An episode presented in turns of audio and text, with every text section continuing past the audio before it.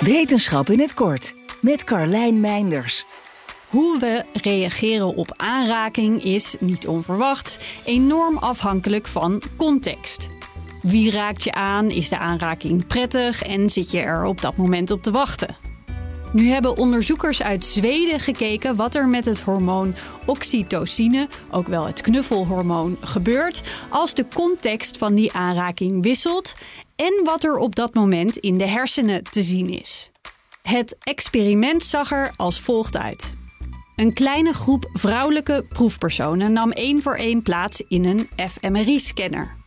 Vervolgens aaide of eerst de partner van de vrouw of eerst een niet bedreigende onbekende over haar arm. Ze kregen vooraf te horen door wie ze als eerste werden aangeraakt.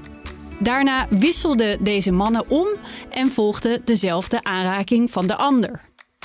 Tijdens het experiment werden ook bloedmonsters afgenomen om de aanwezigheid van oxytocine te kunnen meten. De onderzoekers waren benieuwd of het stofje veel sterker aanwezig zou zijn als de aanraking van de partner kwam. Dat was zo, maar alleen als de partner de eerste aanraking deed. Werd de vrouw als eerst door haar partner aangeraakt, dan nam de hoeveelheid oxytocine toe, dan weer af, om vervolgens weer toe te nemen bij de aanraking van de onbekende. Maar als de onbekende de eerste aanraking deed, dan nam de hoeveelheid oxytocine niet toe. Werd ze vervolgens aangeraakt door haar partner, dan was er maar een hele lichte verhoging te zien. Niet alleen de context, maar ook wat er aan de aanraking voorafging, was dus van grote invloed.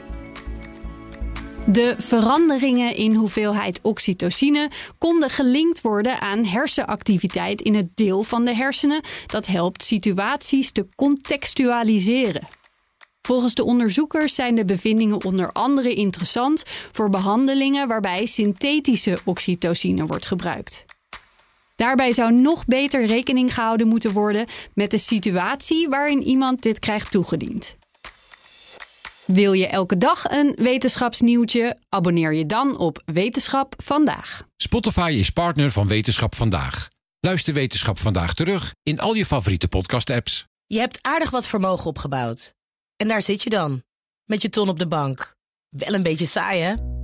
Wil jij, als belegger, onderdeel zijn van het verleden of van de toekomst? Bridgefund is een slimme fintech die een brug slaat tussen de financiële behoeften van ondernemers en van beleggers. Dus wie belegt bij Bridgefund krijgt niet alleen een mooie vaste rente, maar brengt ook ondernemers in beweging. Echt waar. Met die ton kan je zoveel betere dingen doen. Bridgefund. Make money smile.